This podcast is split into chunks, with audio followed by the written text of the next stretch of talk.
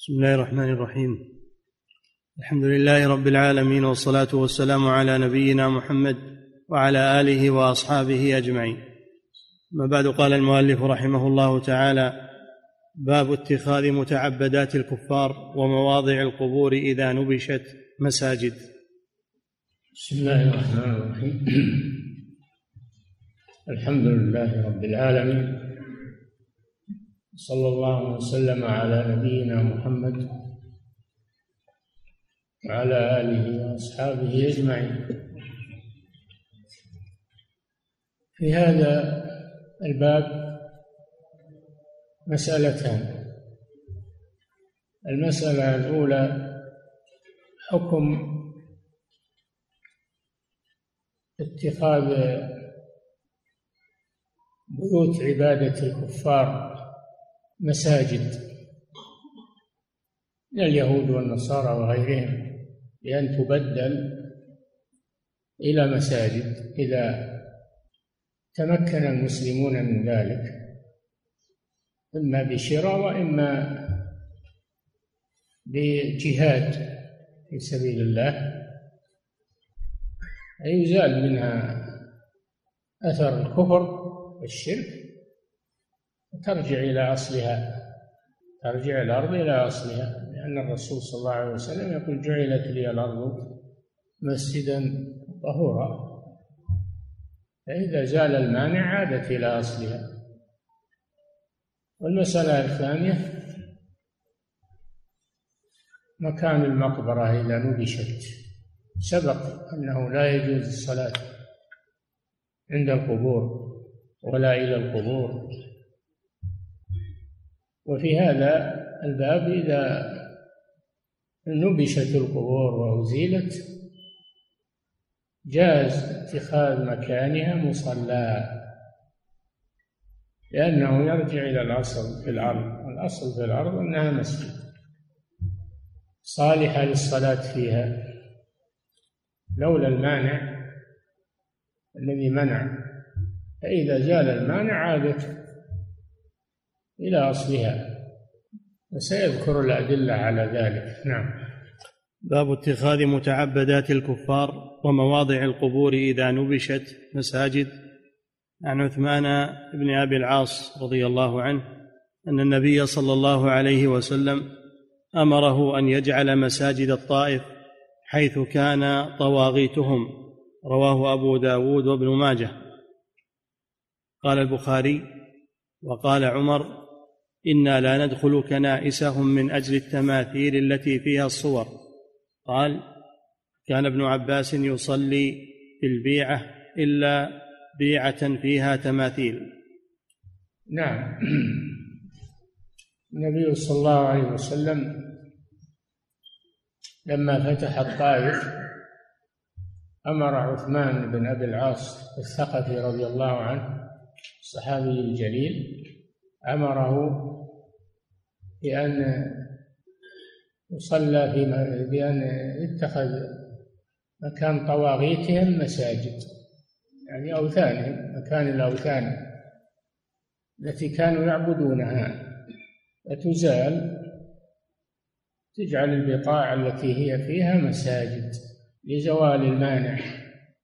ولهذا يقال ان مسجد ابن عباس إنه على موضع اللات مسجد ابن عباس في الطائف يقول يقال إنه على موضع اللات وفي هذا ما هذا الحديث ما يدل على ذلك على جواز ذلك حيث طواغيتهم يعني الأمكنة التي طاغوت طواغيت جمع طاغوت وهو ما يعبد من دون الله عز وجل. وكل عبادة لغير الله فهي عبادة للطاغوت. كل عبادة لغير الله فهي عبادة للطاغوت. الطاغوت مأخوذ من الطغيان وهو مجاوزة الحد. نعم. وفي آخره أن عمر ذكر عمر بن الخطاب رضي الله عنه ذكر أنهم لا يصلون في البيع والكنائس التي فيها تماثيل يعني صور. تماثيل الصور المجسمة وقد تطلق التماثيل على الصور أيضا غير المجسمة على الرسومات. فتعبدات اليهود والنصارى إذا كان فيها تماثيل إنها لا يصلى فيها. لأن هذا فيه تشبه باليهود والنصارى الذين يعبدون تماثيل الأنبياء وصور الأنبياء الصالحين. فإذا زال ذلك وعادت إلى أصلها. نعم. قال البخاري وقال عمر إنا لا ندخل كنائسهم من أجل التماثيل التي فيها الصور. من أجل إنا لا ندخل كنائسهم والكنائس هي متعبدات اليهود والنصارى. تسمى الكنائس وتسمى البيع. لو هدمت صوامع وبيع مساجد فتسمى بأسماء. وقول عمر رضي الله عنه دليل على أن المانع من الصلاة في الكنائس وجود التماثيل فيها والصور. فإذا زالت فلا بأس يعني يفهم من كلام عمر أنها إذا زالت لا مانع من الصلاة فيها ودخولها. نعم. قال البخاري وقال عمر إنا لا ندخل كنائسهم من أجل التماثيل التي فيها الصور. قال ابن وقال قال وكان ابن عباس يصلي في البيعة إلا بيعة فيها تماثيل. نعم وكذلك ابن عباس كان يصلي في البيعة لأن الأصل في البقاع الصلاة فيها. إلا البيع التي فيها تماثيل مثل قول عمر رضي الله عنه. نعم. وعن قيس بن طلق بن علي عن أبيه قال خرجنا وفدا إلى النبي صلى الله عليه وسلم فبايعناه وصلينا معه وأخبرناه أن بأرضنا بيعة لنا. واستوهبناه من فضل طهوره فدعا بماء فتوضأ وتمضمض ثم صبه في إداوة وأمرنا فقال اخرجوا فإذا أتيتم أرضكم فاكسروا بيعتكم وانضحوا مكانها بهذا الماء واتخذوها مسجدا. رواه النسائي. نعم. هذا قيس بن طلق بن قيس بن طلق بن علي جاء وافدا مع قومه إلى رسول الله صلى الله عليه وسلم لأن الرسول صلى الله عليه وسلم لما فتح مكة جاءته الوفود من القبائل يعلنون إسلامهم ويبايعونه كما قال الله جل وعلا إذا جاء نصر الله والفتح ورأيت الناس يدخلون في دين الله أفواجا. والشاهد من هذا أنهم طلبوا من الرسول صلوا معه وطلبوا منه أن يعطيهم من وضوئه. هذا فيه دليل على تبرك بآثار النبي صلى الله عليه وسلم المنفصلة من جسده الشريف. كماء الوضوء والعرق والشعر. وهذا خاص به صلى الله عليه وسلم. أما غيره فلا يتبرك به ولا بشيء منه. أعطاهم توضأ عليه الصلاة والسلام وصب ماء صب ماء وضوئه في إداوة وهو وهي وعاء من الجلد الإداوة. وعاء من الجلد. فقال إذا قدمتم إلى بلدكم فاكسروا. اكسروا الصنم الذي عندكم ثم صبوا ماء وضوء الرسول صلى الله عليه وسلم في مكانه ثم اتخذوه مسجدا. فهذا دليل على أنه إذا أزيلت شعائر الكفر من الكنيسة أو من البيعة إذا أزيلت شعائر الكفر من البيعة أو الكنيسة أنها يصلى فيها. أن المسلمين يصلون فيها. نعم. وعن أنس رضي الله عنه أن النبي صلى الله عليه وسلم كان يحب أن يصلي حيث أدركته الصلاة. ويصلي في مرابض الغنم وأنه أمر ببناء المسجد فأرسل إلى ملأ من بني النجار فقال يا بني النجار ثامنوني بحائطكم هذا. قالوا لا والله ما نطلب ثمنه إلا إلى الله. فقال أنس وكان فيه ما أقول لكم قبور المشركين وفيه خرب وفيه نخل. فأمر النبي صلى الله عليه وسلم بقبور المشركين فنبشت ثم بالخرب فسويت ثم بالنخل فقطع فصفوا النخل قبلة المسجد وجعلوا عضادتيه الحجارة وجعلوا ينقلون الصخر وهم يرتجزون والنبي صلى الله عليه وسلم معهم وهو يقول اللهم لا خير إلا خير الآخرة فاغفر للأنصار والمهاجرة. مختصر من حديث متفق عليه. نعم الرسول صلى الله عليه وسلم لما قدم المدينة مهاجرا ونزل في قبى أول ما نزل قام فيها أياما ثم رحل توجها إلى المدينة. ركلت الجمعة في بني سالم بن عوف وصلى الجمعة فيهم. في طريقه ثم مضى إلى المدينة. فلما وصل إلى مكان مسجده الآن إلى مكان مسجده بركت ناقته بركت ناقته. ثم إنه أقامها فقامت ثم عادت وبركت في هذا المكان. وكان هذا المكان حائطا للأنصار لبني النجار من الأنصار. وفيه ثلاثة أمور فيه خريبات من المباني وفيه نخيل بقايا نخيل وفيه قبور للمشركين. ثلاثة أمور. النبي صلى الله عليه وسلم ساومهم ثامنهم يعني ساومهم على هذا الحائط.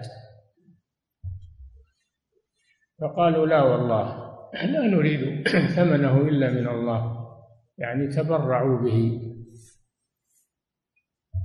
وهل الرسول أعطاهم ثمنه أو ما أعطاهم؟ الله أعلم. المهم أنه أمر بإخلاء هذا المكان من هذه الأمور الثلاثة. من الخريبات فسويت ومن النخيل فقطعت ومن القبور فنبشت حتى فرغ المكان من هذه الأشياء. ثم شرع صلى الله عليه وسلم في بناء مسجده في هذا المكان. وكان المهاجرون والأنصار يبنون معه عليه الصلاة والسلام. يبنونه باللبن بنوه باللبن وسقفوه بالجريد وجعلوا أعمدته من جذوع النخل. أعمدته من جذوع النخل وجدرانه من اللبن وسقفه من الجريد من من السعف والجريد. فانتهى فتم بناؤه. وكان وجعلوا الأبواب يعني عضادات الأبواب من الحجارة لأنها أقوى من اللبن. فبهذا تم بناء مسجد الرسول صلى الله عليه وسلم. وفي هذا دليل على مسائل. المسألة الأولى أن المكان إذا كان مملوكا فلا بد من شرائه من أهله أو تبرعهم به ولا يغتصب منهم. هذه مسألة. المسألة الثانية فيه دليل على تسوية أرض المسجد واستصلاحها بهدم الخربات التي فيها وكذلك فيه دليل على قطع جواز قطع النخيل إذا احتيج إلى ذلك. تقطع النخيل إذا احتيج إلى ذلك. وفيه دليل على نبش القبور الدارسة وإخراجها من مكان المسجد. إخراجها من مكان المسجد. لأن المسجد لا يكون على القبور كما سبق. وفيه دليل على جواز الإنشاد حال العمل لأجل تنشيط العاملين. كانوا يبنون ويرتجزون. اللهم لا عيش أو لا خير إلا عيش الآخرة أو أو خير الآخرة. فاغفر للأنصار والمهاجرة. هذا من من الرجز الذي ينشط العاملين على العمل. نعم. باب فضل من بنى مسجدا. نعم. عن عثمان بن عفان رضي الله عنه قال سمعت رسول الله صلى الله عليه وسلم يقول من بنى لله مسجدا بنى الله له مثله في الجنة. متفق عليه. وعن ابن عباس رضي الله عنهما عن النبي صلى الله عليه وسلم قال من بنى لله مسجدا ولو كمفحص قطات ولو كمفحص قطات لبيضها بنى الله له بيتا في الجنة. رواه أحمد. هذا فيه الترغيب في بناء المساجد. ترغيب في بناء المساجد.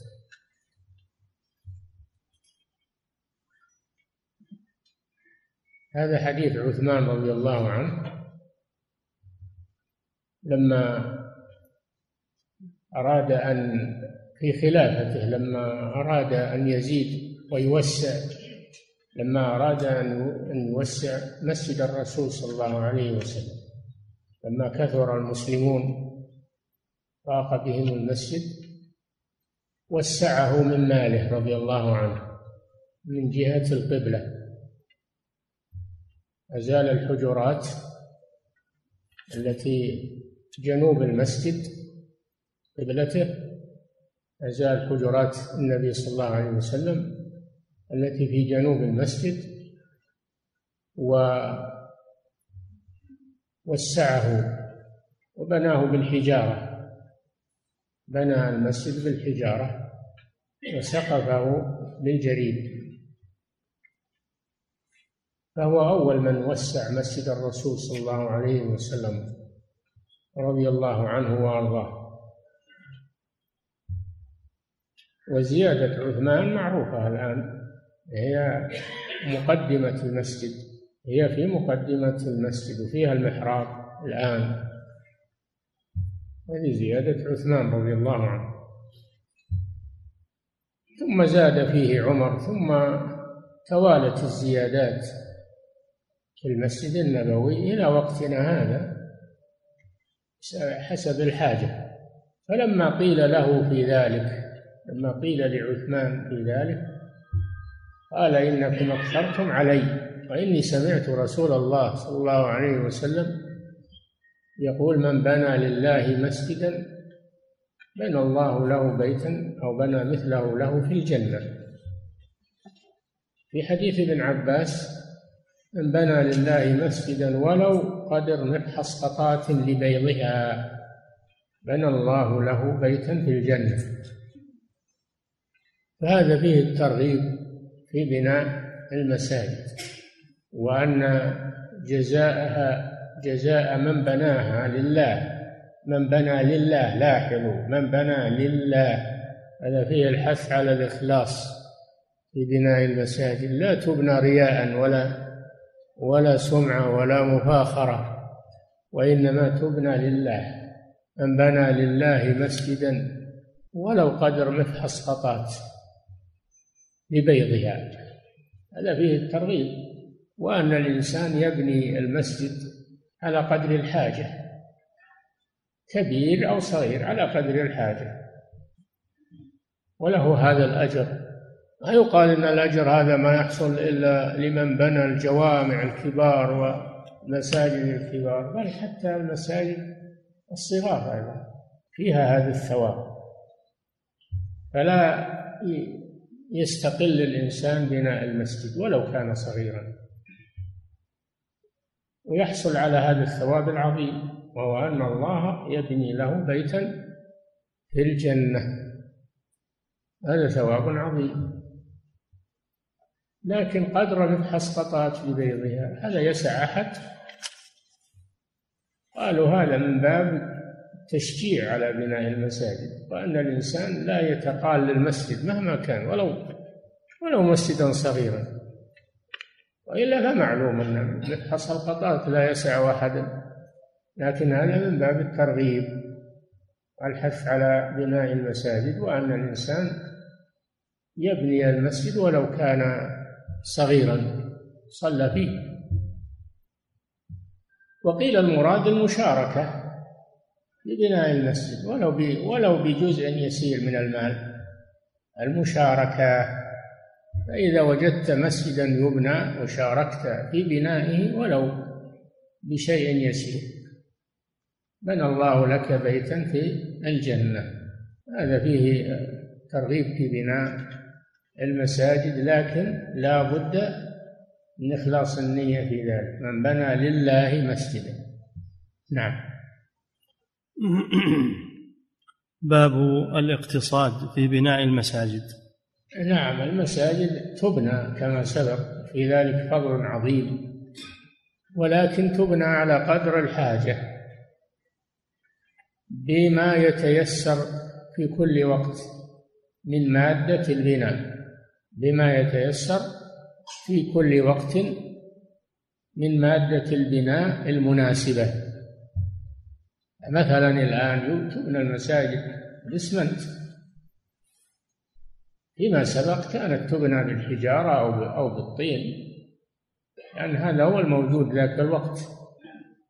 والآن تبنى بما يستعمل الآن في البناء من المواد. لا مانع من ذلك ولكن لا يبالغ فيها بالتشييد والنقوش والزخرفة لأن المساجد للعبادة والخشوع وليست للمباهاة والمفاخره ليست للمباهاة والمفاخره فلا يبالغ في نفقات بنائها وفي آه، زخرفتها وتشييدها أكثر من من اللازم. نعم.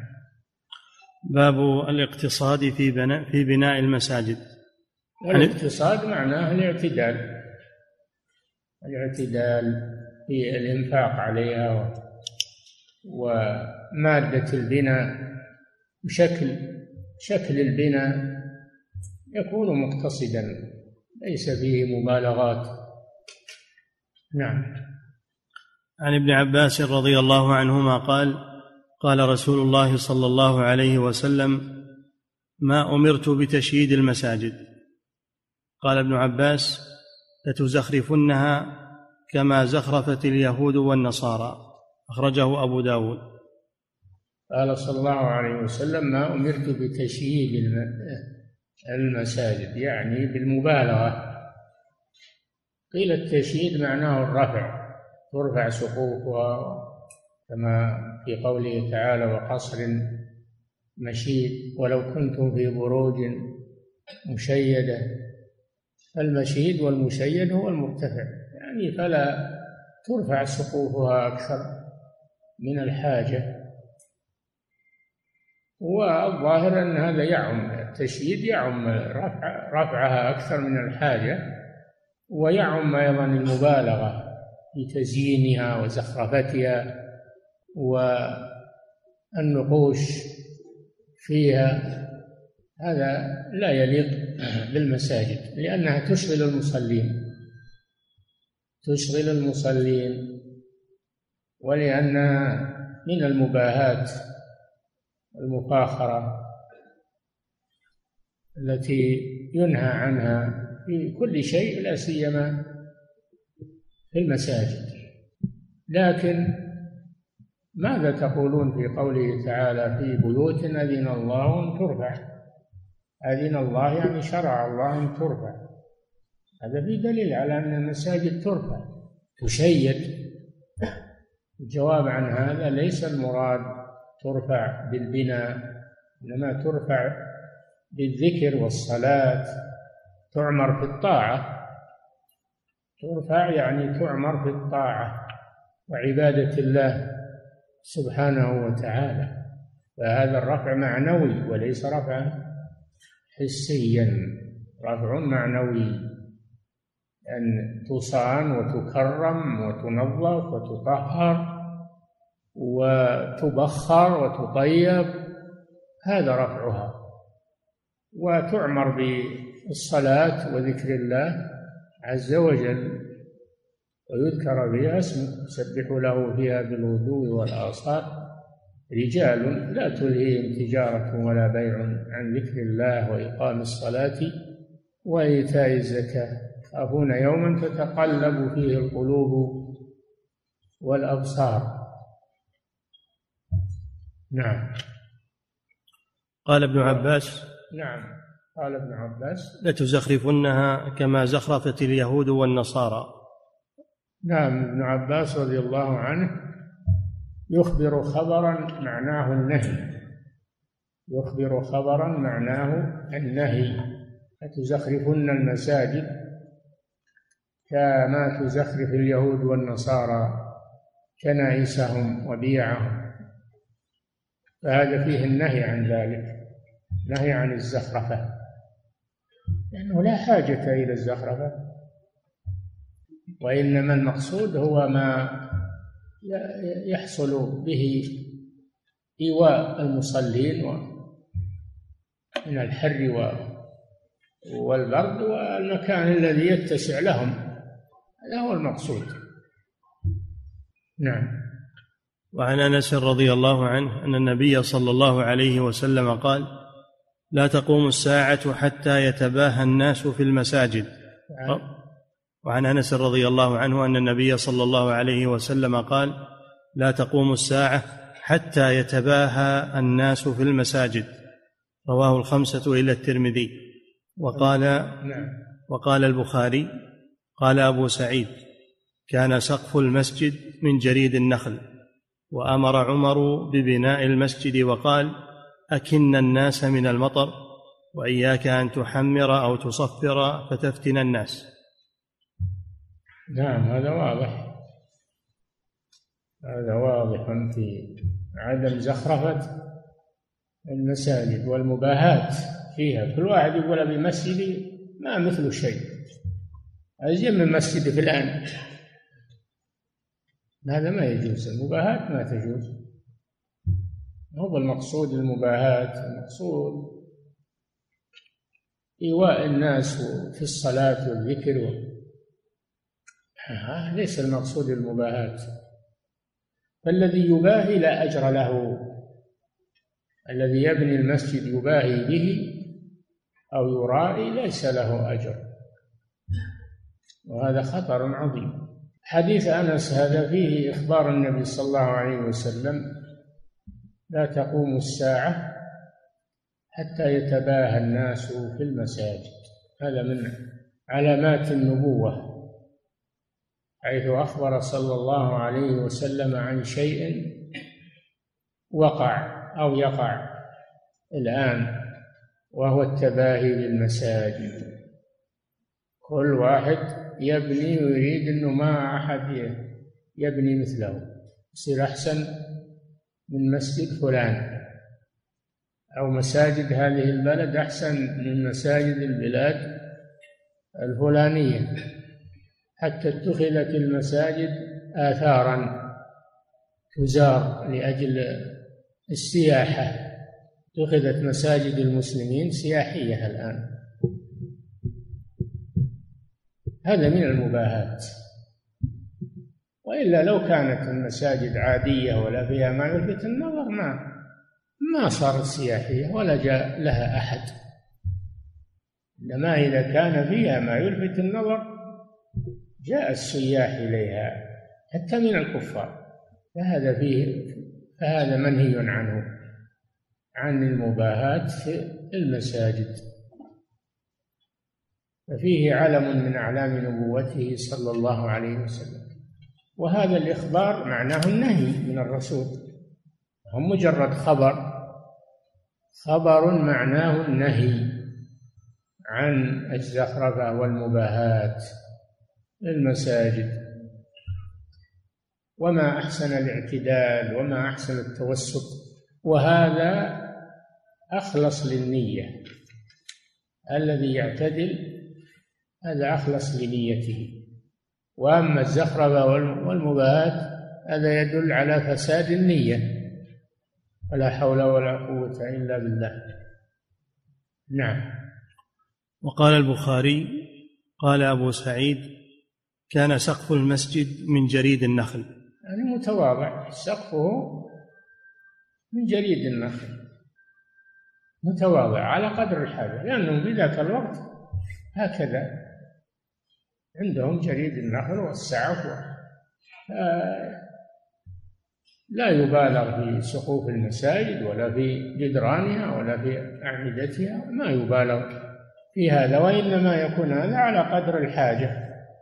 لا مانع من تقوية البناء لا مانع من تقوية البناء لأن هذا أبقى للمسجد ويستمر النفع فيه. لكن الممنوع الزخرفة الزائدة عن المطلوب. نعم. وأمر عمر ببناء المسجد وقال أكن الناس من المطر. أمر عمر رضي الله عنه في خلافته ببناء المسجد. وقال للباني أكن الناس يعني اجعل لهم كنا يكنهم من الحر والبرد. وإياك تحذير هذا تحذير من عمر. إياك أن تحمر أو تصفر بالألوان يعني تطلي الجدران بالألوان البهية التي تلفت أنظار وتشغل أنظار المصلين.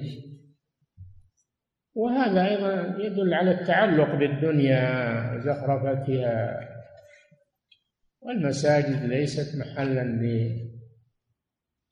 لزهرة الدنيا إنما هي للعبادة والطاعة. نعم. أكن الناس من المطر وإياك أن تحمر أو تصفر فتفتن الناس.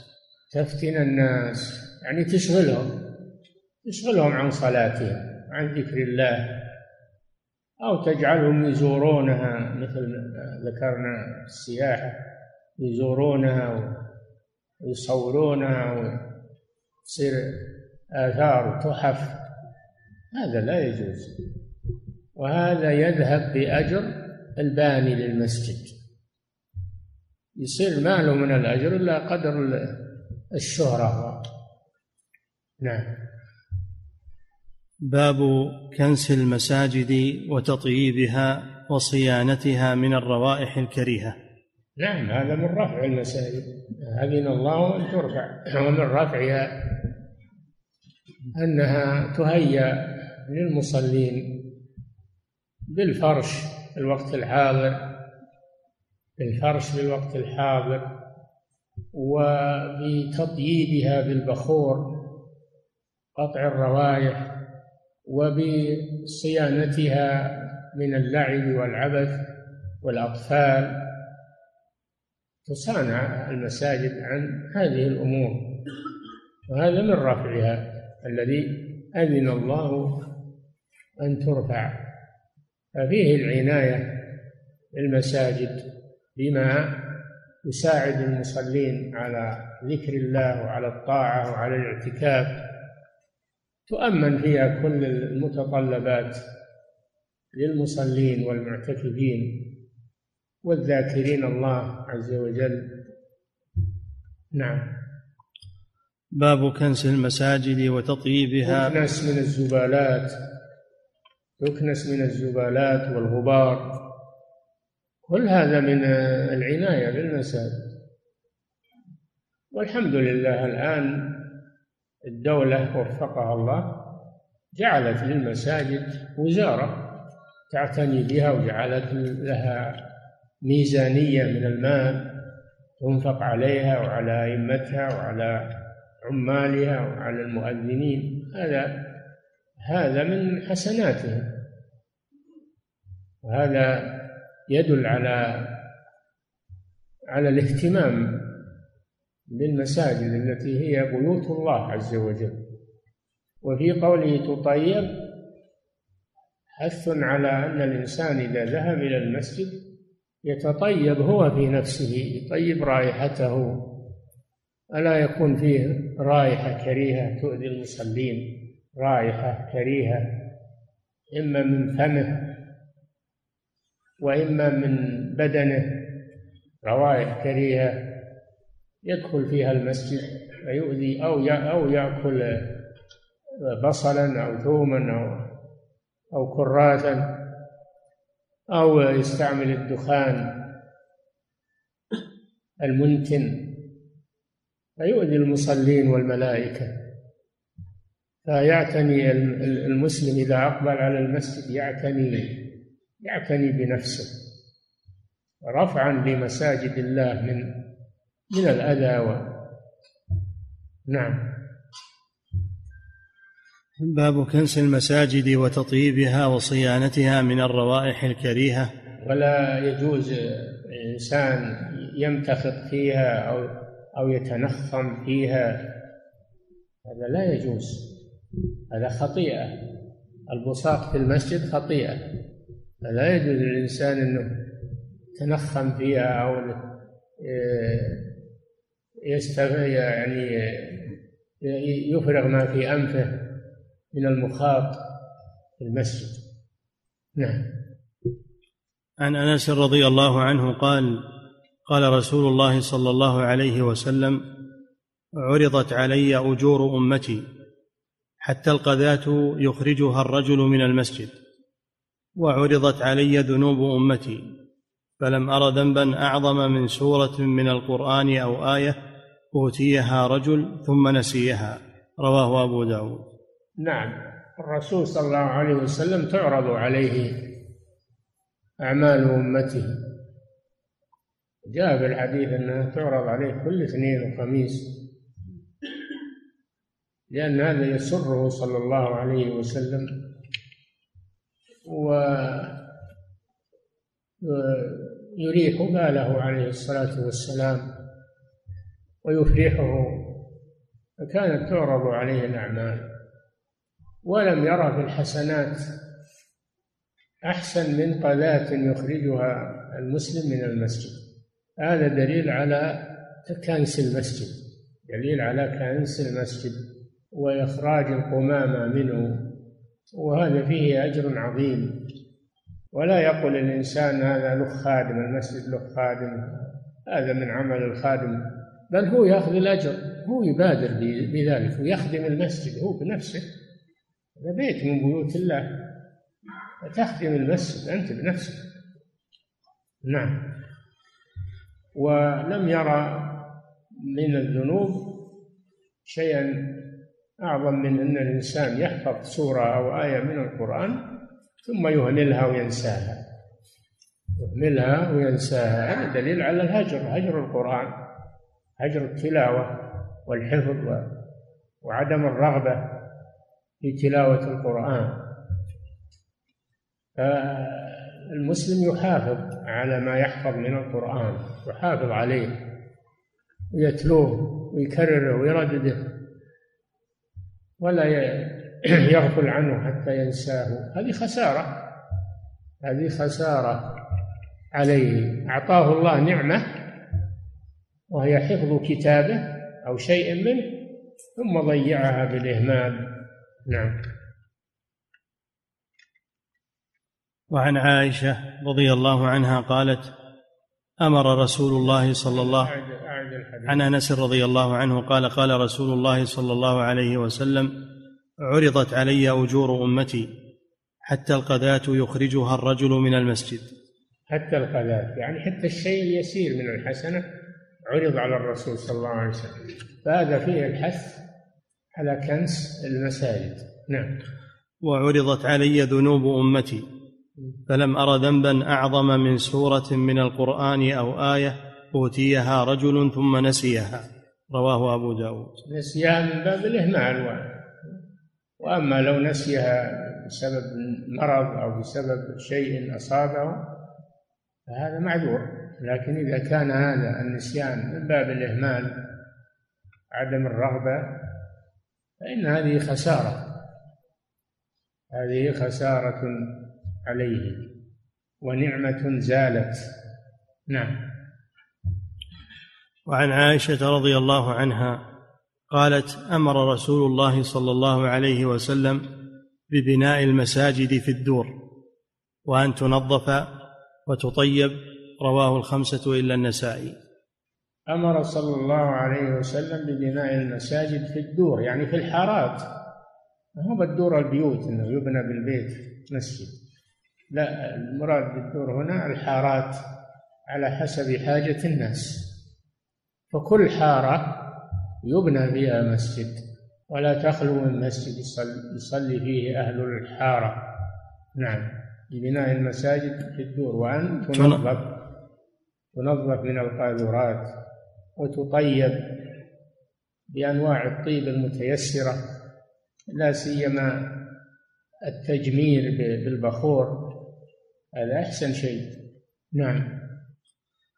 وعن عائشة رضي الله عنها قالت أمر رسول الله صلى الله عليه وسلم ببناء المساجد في الدور وأن تنظف وتطيب رواه الخمسة إلا النسائي. وأن نعم أمر ببنائها ثم بتعاهدها. من القاذورات ومن الروائح الكريهة المنفرة. أمر بذلك صلى الله عليه وسلم. فهذا فيه العناية بالمساجد. من كل مسلم يشارك مسلم يشارك في خدمة المسجد بأي بأي إمكانية. ولا يقول والله المسجد هذا له موظفه يحرم نفسه من الأجر. ويقول المسجد له موظفه لا لا يحرم نفسه من الأجر. ولا على الأقل يبلغ العامل أو المنظف يبلغ عن ما رأى في المسجد. نعم. وعن سمرة ابن جندب. لكن كونه هو اللي يكنس المسجد هذه مفخرة عند الله سبحانه وتعالى. كونه هو اللي يخرج القذى من المسجد هذه مفخرة هذه مفخرة له عند الله سبحانه وتعالى. لا يضيعها نعم. وعن سمرة ابن جندب رضي الله عنه قال أمرنا رسول الله صلى الله عليه وسلم أن نتخذ المساجد في ديارنا. وأمرنا أن ننظفها. رواه أحمد والترمذي وصححه. هذا مثل حديث عائشة أن نتخذ المساجد في ديارنا يعني في حاراتنا. في حاراتنا. كل حارة يكون فيها مسجد. لاجل يجتمع فيه أهل الحارة يصلون فيه جميعا. وأمر أن تنظف وأن تطيب. نعم. رواه أحمد والترمذي وصححه. ورواه أبو داود ولفظه كان يأمرنا بالمساجد وأن نصنعها في ديارنا ونصلح صنعتها ونطهرها. ونصلح صنعتها يعني نتقن بناءها. نتقن بناءها ولا تبنى بناء غير متقن بل يتقن بناءه ويعتنى به حتى يبقى وحتى يستمر. وفيه العناية بإتقان بناء المسجد. نعم. ونصلح صنعتها ونطهرها. ونطهرها من النجاسات يعني. طهرها من النجاسات. فإذا حصل فيها بول أو شيء من النجاسات يبادر بتطهيرها. نعم. وعن جابر رضي الله عنه أن النبي صلى الله عليه وسلم قال من أكل الثوم والبصل والكراث فلا يقربن مسجدنا فإن الملائكة تتأذى مما يتأذى منه بنو آدم متفق عليه. نقف عند هذا. وبكرة ما في درس لكن إن شاء الله بعد بكرة. نعم.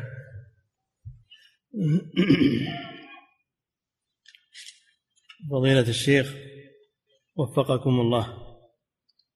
يقول هل يجوز السماح والإذن للكفار بأن يدخلوا إلى مساجد إلى مساجد المسلمين للتصوير فيها.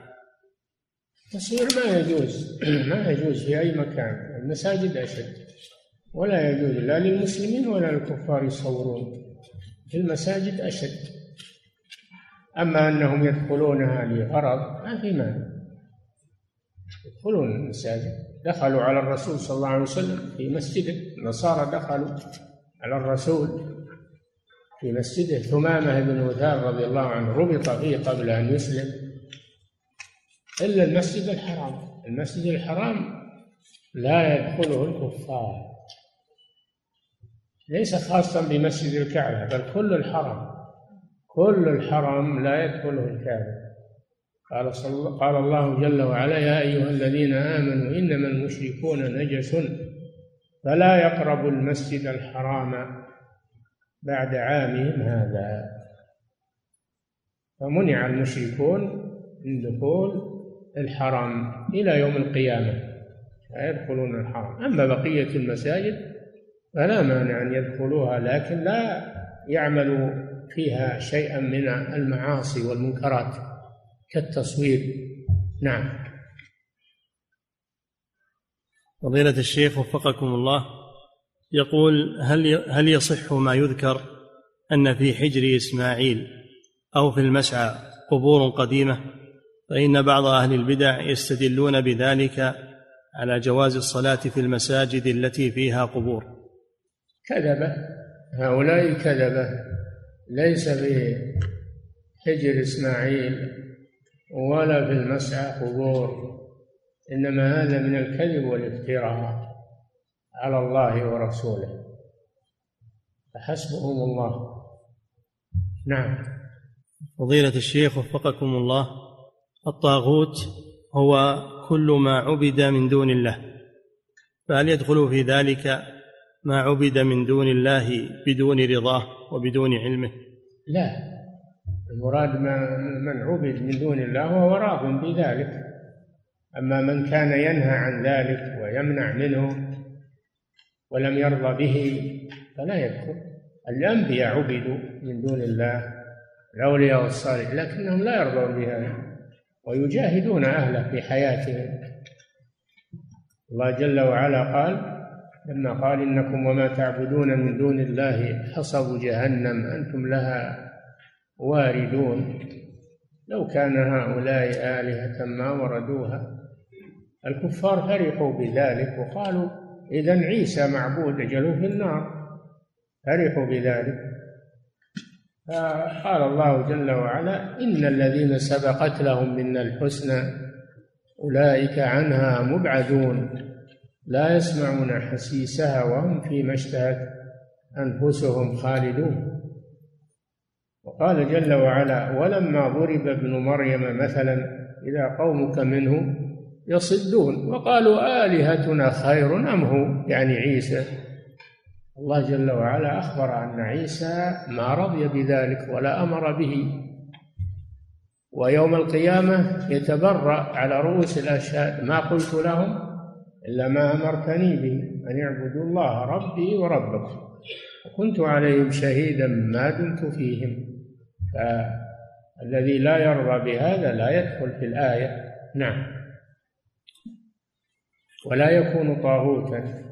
نعم. فضيلة الشيخ وفقكم الله. يقول كيف نجمع بين حديث الطاغوت هو الشيطان هذا هو الأصل. أو من عبد وهو راض من بني آدم يكون طاغوت. نعم. فضيلة الشيخ وفقكم الله. يقول كيف الجمع بين ما ورد في الحديث من جواز اتخاذ أماكن الطواغيت مساجد إذا زال المانع وبين الحديث الذي في الرجل الذي أراد أن ينحر إبلا ببوانه. وقال له الرسول صلى الله عليه وسلم هل كان فيها وثن يعبد أو صنم؟ نعم هذا في حالة وذا في حالة ما يتعارض هذا مع هذا في النحر. لأن النحر في المكان هذا النحر في المكان هذا تشبه بمن كانوا ينحرون للأصنام والأوثان. التي كانت موجودة في هذا المكان. فلا يحيا هذا النحر؟ أما الصلاة والعبادة ما كانت في في بيوت الكفار ما كانت. أزيلت وأبدلت بالصلاة والذكر نعم. فضيلة الشيخ وفقكم الله يقول ما حكم مجرد دخول أماكن متعبدات الكفار والجلوس فيها؟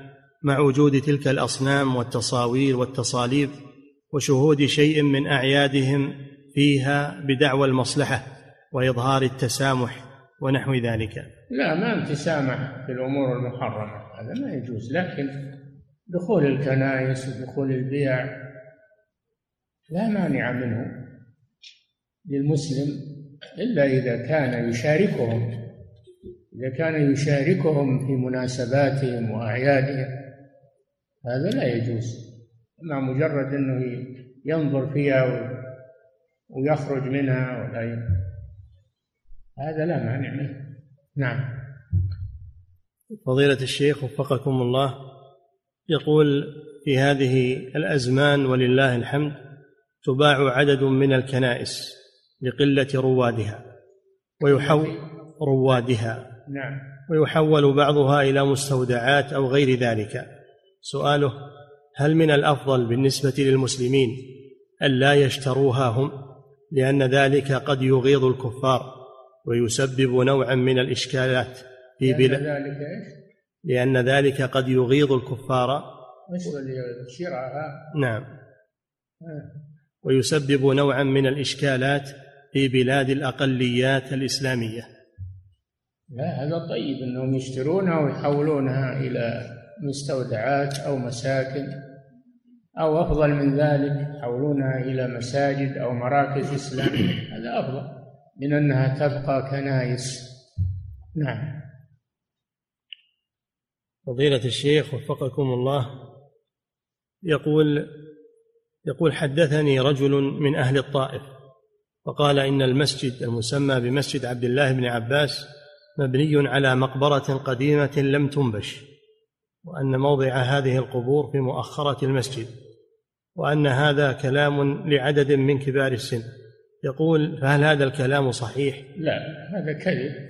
مسجد ابن عباس أفرغ من القبور في عمارته الأخيرة أفرغ من القبور ونقلت القبور منه ثم بني بعد ذلك. إن كان في شيء ما انتبه له أو شيء مغمور ولا دروا عنه فهذا ينبش ويزال يزال إذا تبين. أما الكلام والشائعات هذا كلام باطل ولا يلتفت إليه. نعم. فضيلة الشيخ وفقكم الله.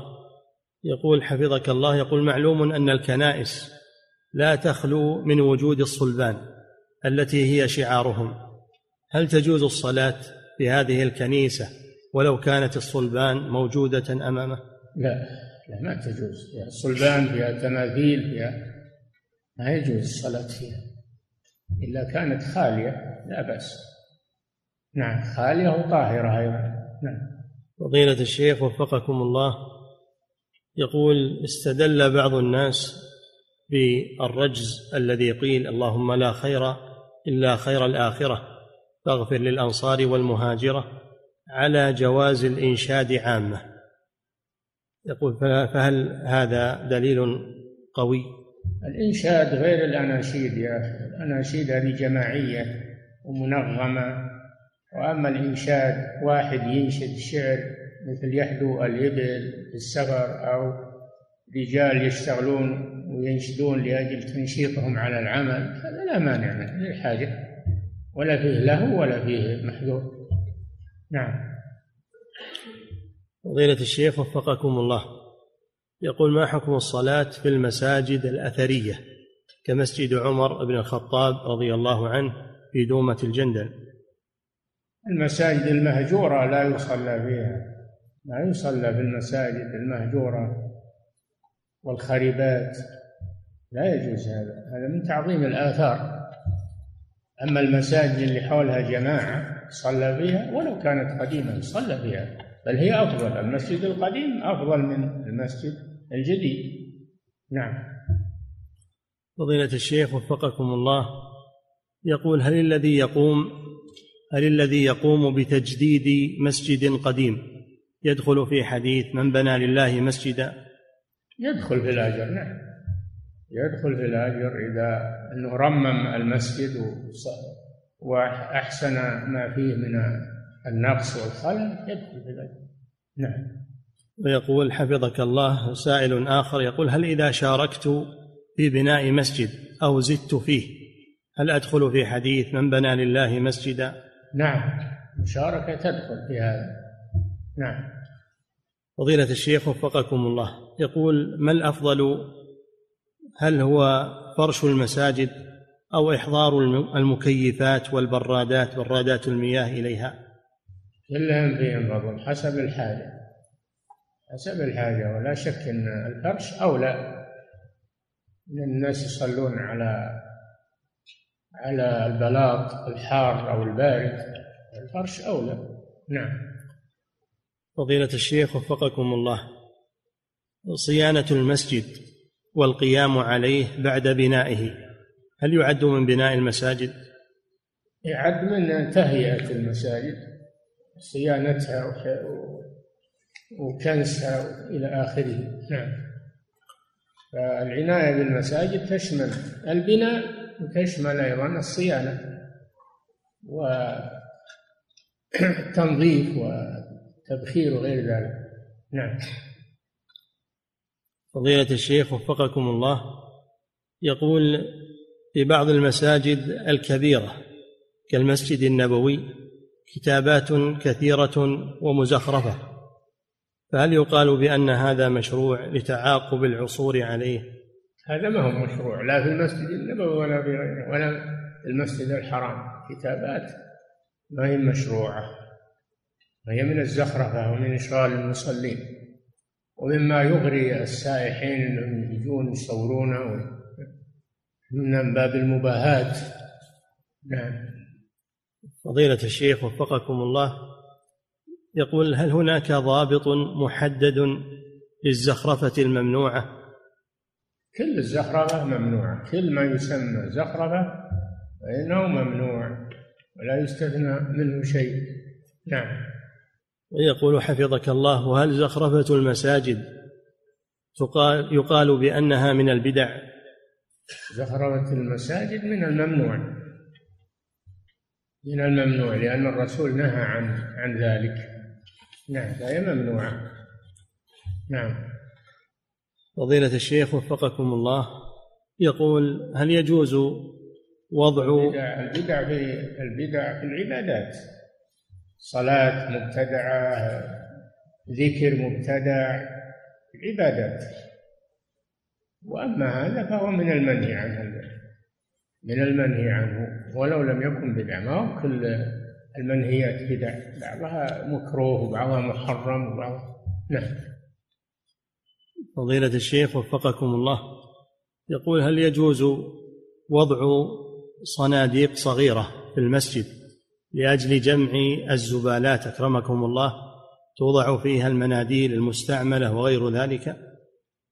إذا كانت تخرج تفرغ برا فلا مانع. أما إذا كانت تترك توضع وتترك تتراكم فيها الأوساخ والقاذورات هذا لا يجوز.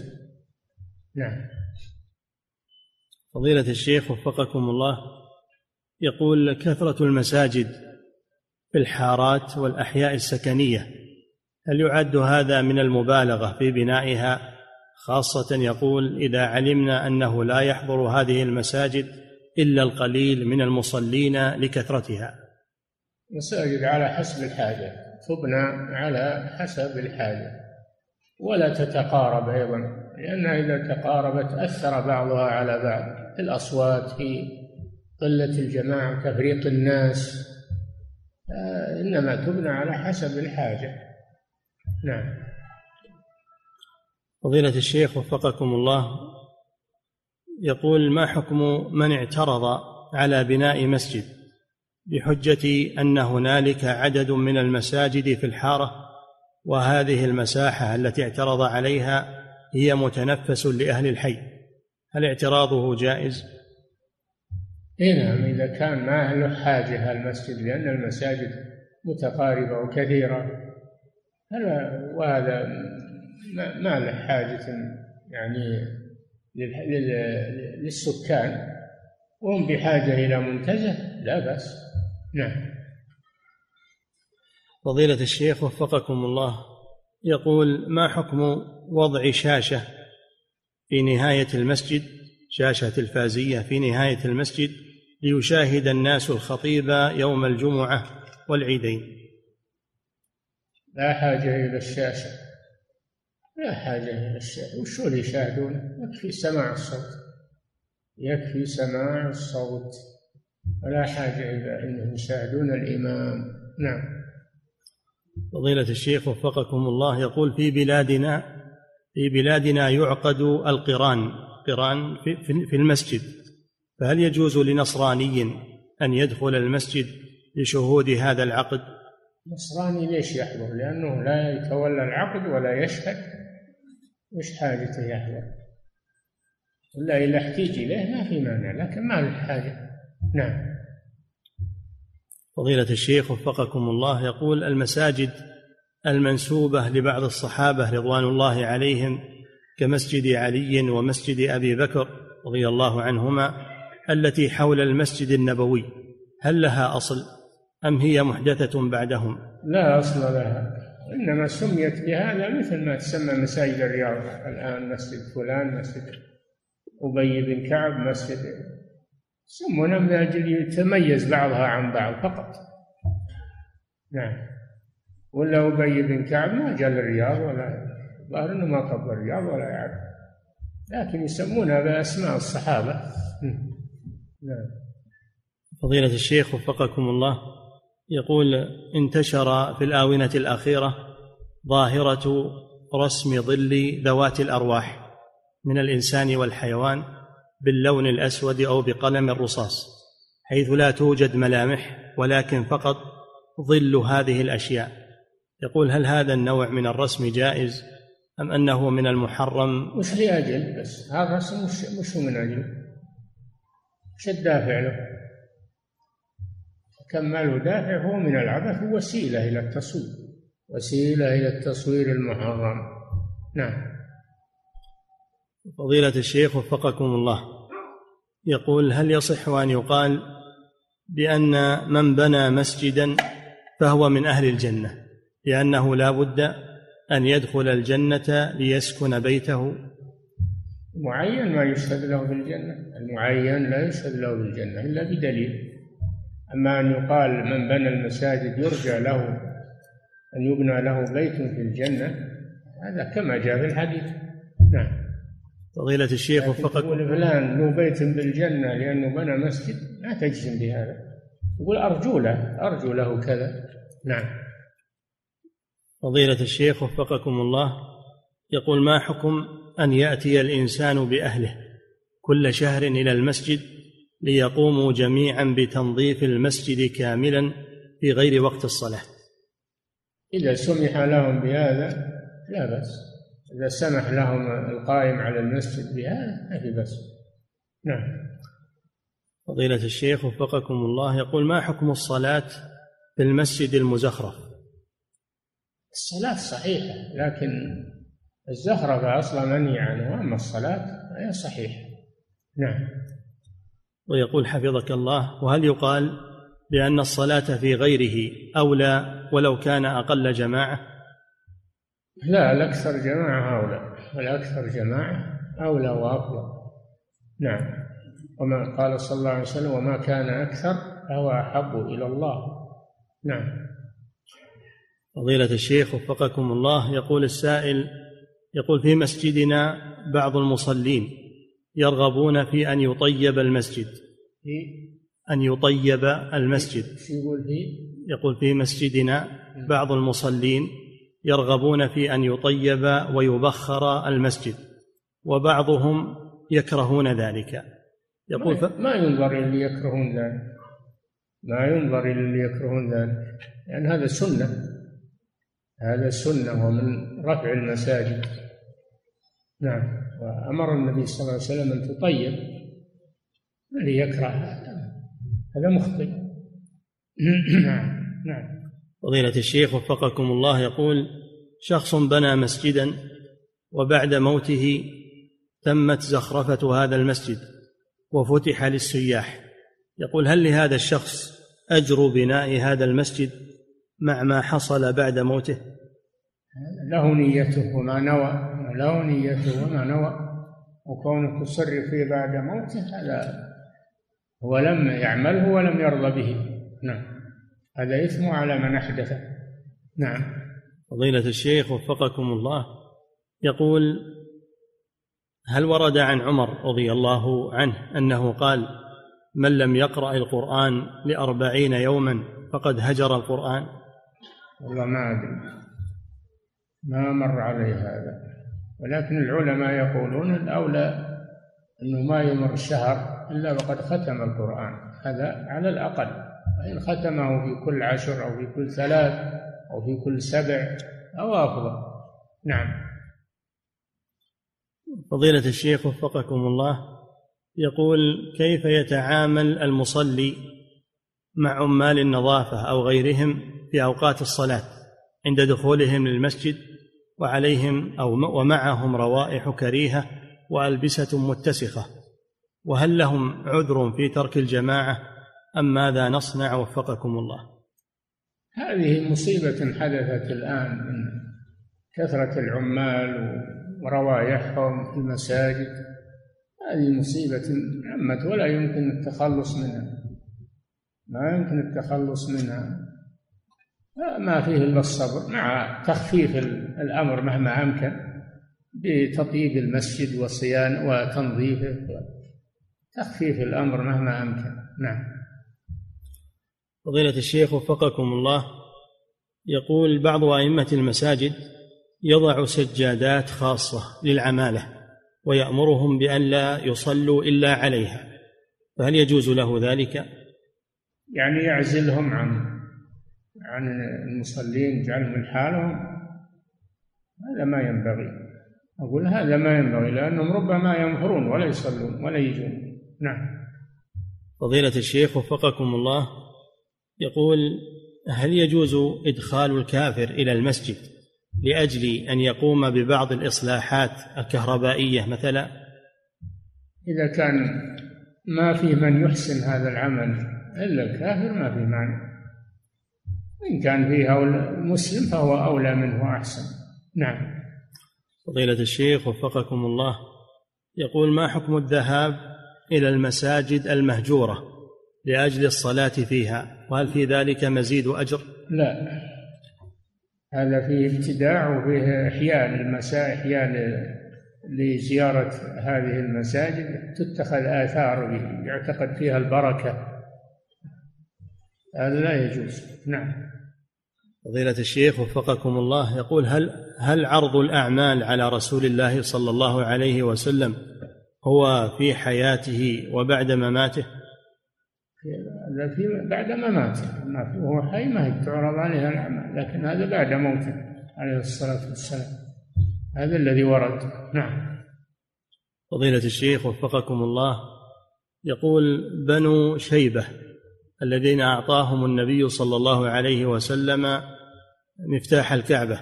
ما أعطاهم إياها أعاده لهم أعاده لهم له معهم من قبل. نعم. يقول وهل هم من قبيلة قريش؟ نعم. من قريش ما في شك. نعم. فضيلة الشيخ وفقكم الله. لأن قريش توازعت أعمال المسجد الحرام. أحد عندها الحجابة وهم بنو شيبة وأحد عندها السقاية وهو العباس بن عبد المطلب يعني استنباط الماء من زمزم للحجاج وأحد عنده الرفادة وهي إطعام الحجاج. نعم. فضيلة الشيخ وفقكم الله يقول قمنا ببناء مسجد في قريتنا ولم نجد إلا مكانا فيه قبر فقمنا بنبش القبر ثم بنينا المسجد. إيش؟ قمنا ببناء مسجد في قريتنا فلم نجد إلا مكانا فيه قبر فقمنا بنبش القبر ثم بنينا مسجدا في هذا المكان فهل فعلنا صحيح؟ لا تنبش القبور إلا بفتوى من الجهة المختصة دار الافتاء مثلا رياسة الافتاء القاضي في البلد يكتب تقرير عن هذا القبر أو هذه القبور يكتب تقرير عنها ويرسله للإفتاء. ينظرون فيه. نعم. فضيلة الشيخ وفقكم الله يقول في بعض البلاد التي التي تكون أرضها صخرية يقومون بنبش القبور ونقل الرفاة إلى مكان آخر. في بعض البلاد التي تكون أرضها صخرية يقومون بنبش القبور ونقل الرفاة إلى مكان آخر وذلك لدفن أموات جدد في هذا المكان. يقول فما حكم ذلك وهل له ضوابط؟ ما أظن إن شاء الله أن هنا أرض بهذه الصفة يعني ما ما في مقبرة إلا مكان معين.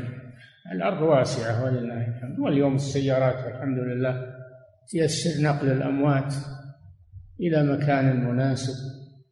وإنما يفعل هذا من يفعله في مكة أو في المدينة من أجل البركة. هم علشان ضيق الأرض وصعوبتها. إنما يفعلون هذا يقولون دولة بالجنة يدفن مع دولة هذا يدخل الجنة. يعتقدون البركة في هذا للتبرك نعم. فضيلة الشيخ وفقكم الله يقول ما حكم البناء فوق المسجد لأجل السكن وتأجيره للناس؟ لا أعوذ بالله. ما يجوز بناء السكن فوق المسجد.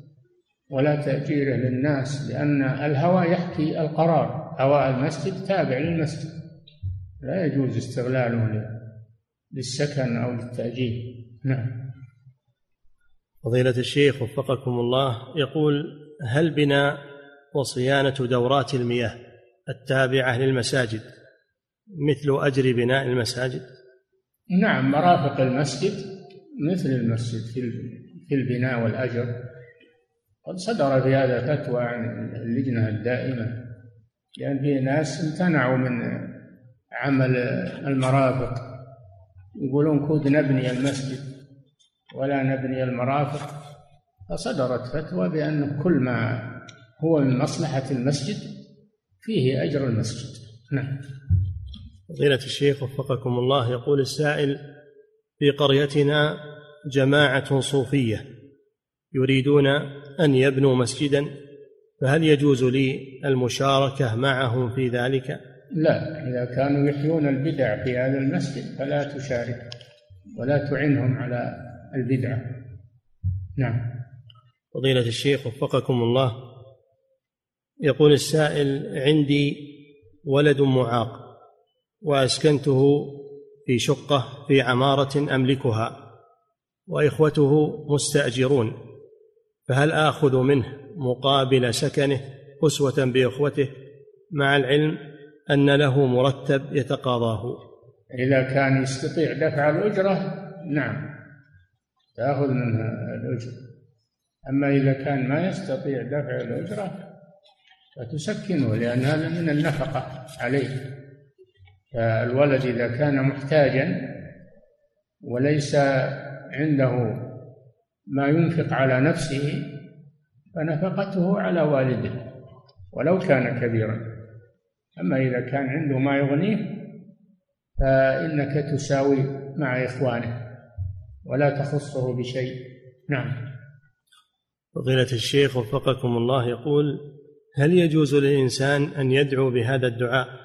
اللهم ارزقني إيمانا كإيمان أبي بكر. ما ورد هذا. هذا ما ورد. نعم. فضيلة الشيخ وفقط ولا أحد يساوي أبا بكر رضي الله عنه. ما أحد يساوي أبا بكر. نعم.